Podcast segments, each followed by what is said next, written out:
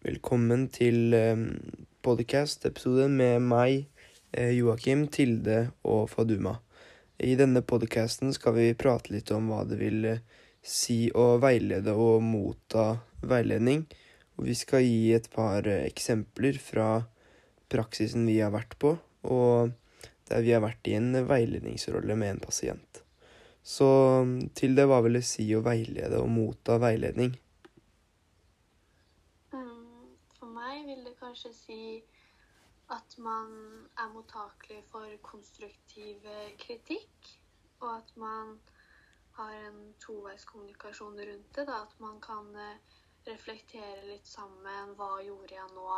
Hvordan kunne jeg gjort det bedre? Um, Jeg har hatt en toveiskommunikasjon på det, da.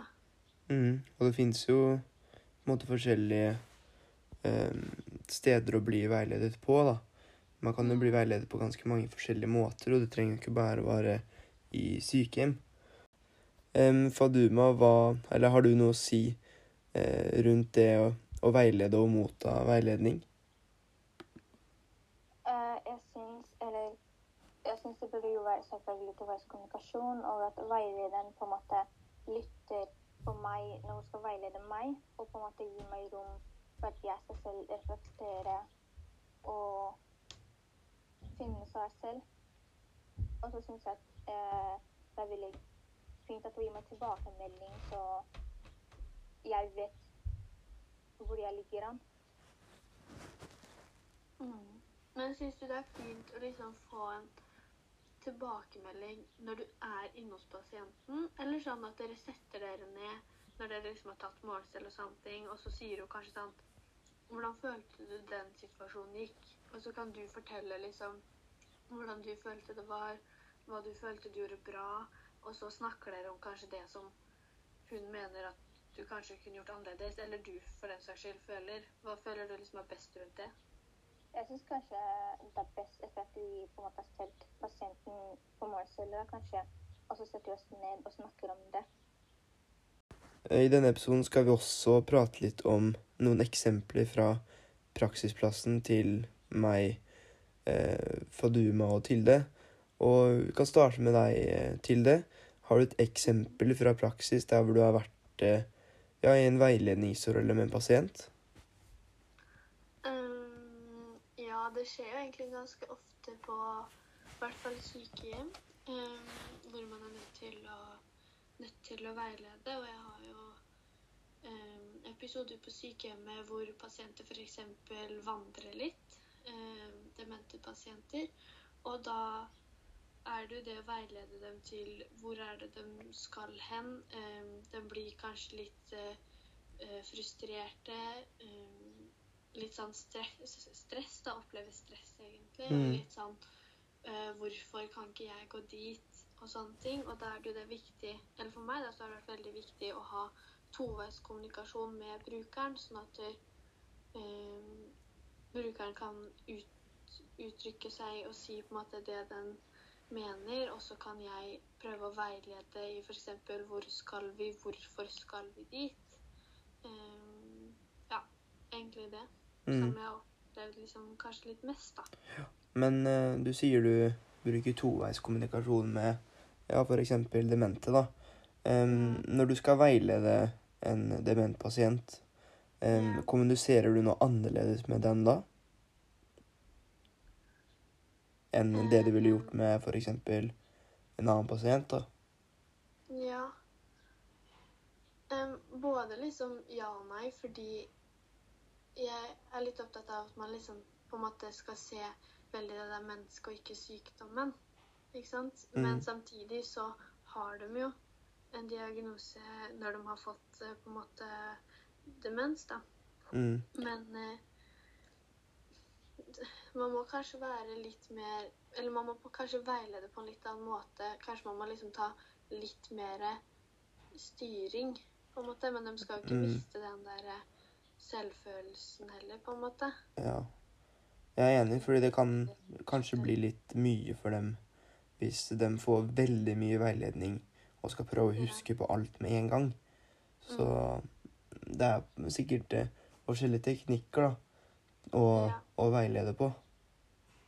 Ja, og så tenker jeg liksom at de, de må jo også egentlig få litt rom til å feile. Mm. Man kan liksom ikke forvente at de skal skjønne alt med en gang.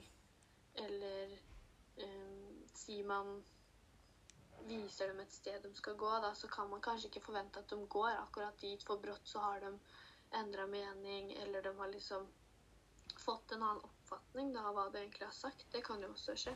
Mm. Men eh, hva med deg, Faduma? Har du et eh, eksempel?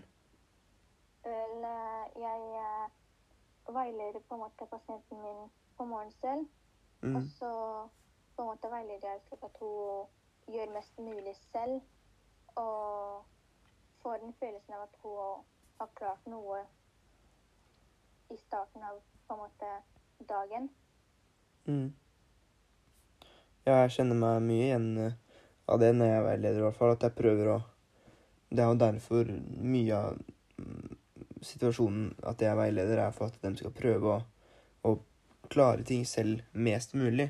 Sånn som Eller brukermedvirkning, da. Og sånn som et eksempel jeg har fra praksis hvor jeg har vært en veiledningsrolle, er da hvor jeg har stelt en annen og hjulpet dem med å stelle seg selv mest, eh, mest mulig.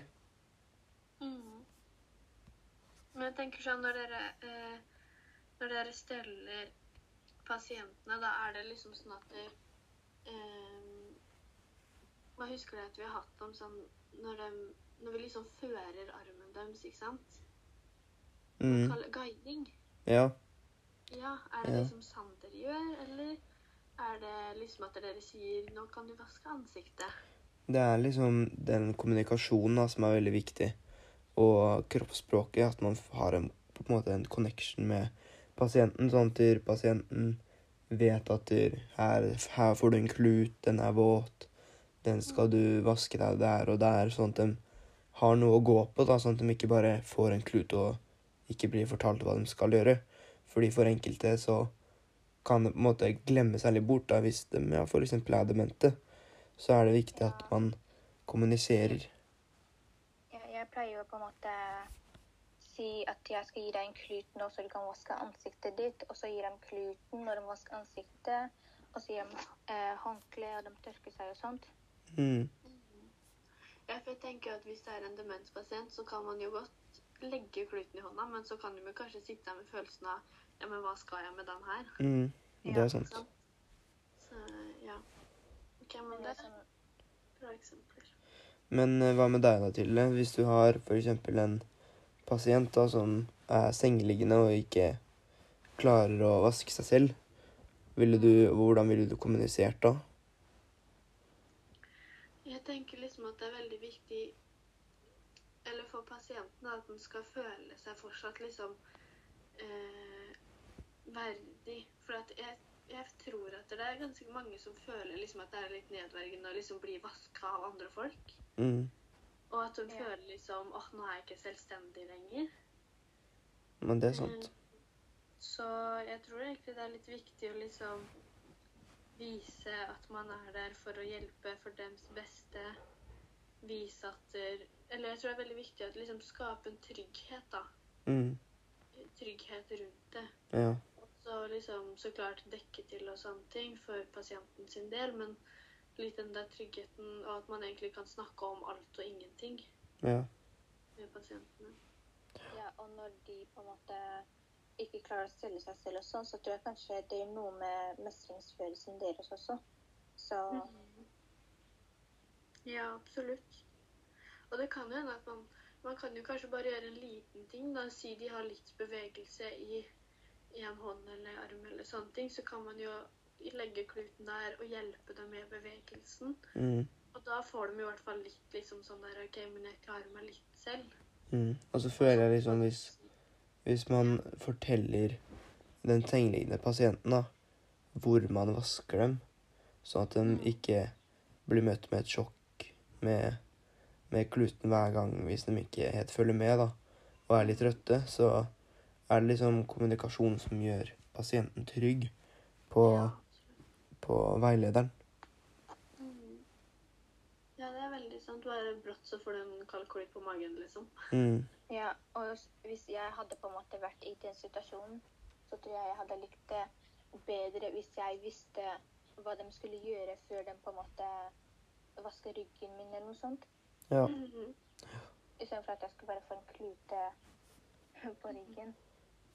Men er liksom sånn Av de som er profesjonelle, da, er det litt mange som ikke tenker over det der? At det er bare sånn derre OK, nå bare snur vi henne, og så vasker vi henne? Eller sånn Jeg føler liksom at jeg har liksom sett litt mye av det, da, at de glemmer litt den der kommunikasjonsbiten, da. Og så blir det liksom Og så tenker jeg sånn OK, men hadde jeg vært pasienten der selv, så hadde jeg følt meg litt ukomfortabel nå. Mm. Jeg hadde liksom ikke følt meg vel, på en måte. Nei, jeg er enig. Altså, det er mange som på en måte, når de har jobba lenge, at de sånn litt glemmer hvordan det på en måte er Ja. for pasienten. Mm.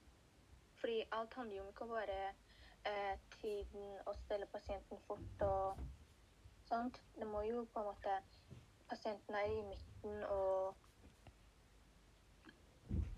ja. Ja, pasienten må jo være i hovedfokus, liksom. Så Da har vi kommet til uh, veiens ende av podkasten, så da vil jeg bare takke for uh, oss. Ha det! Ha det bra.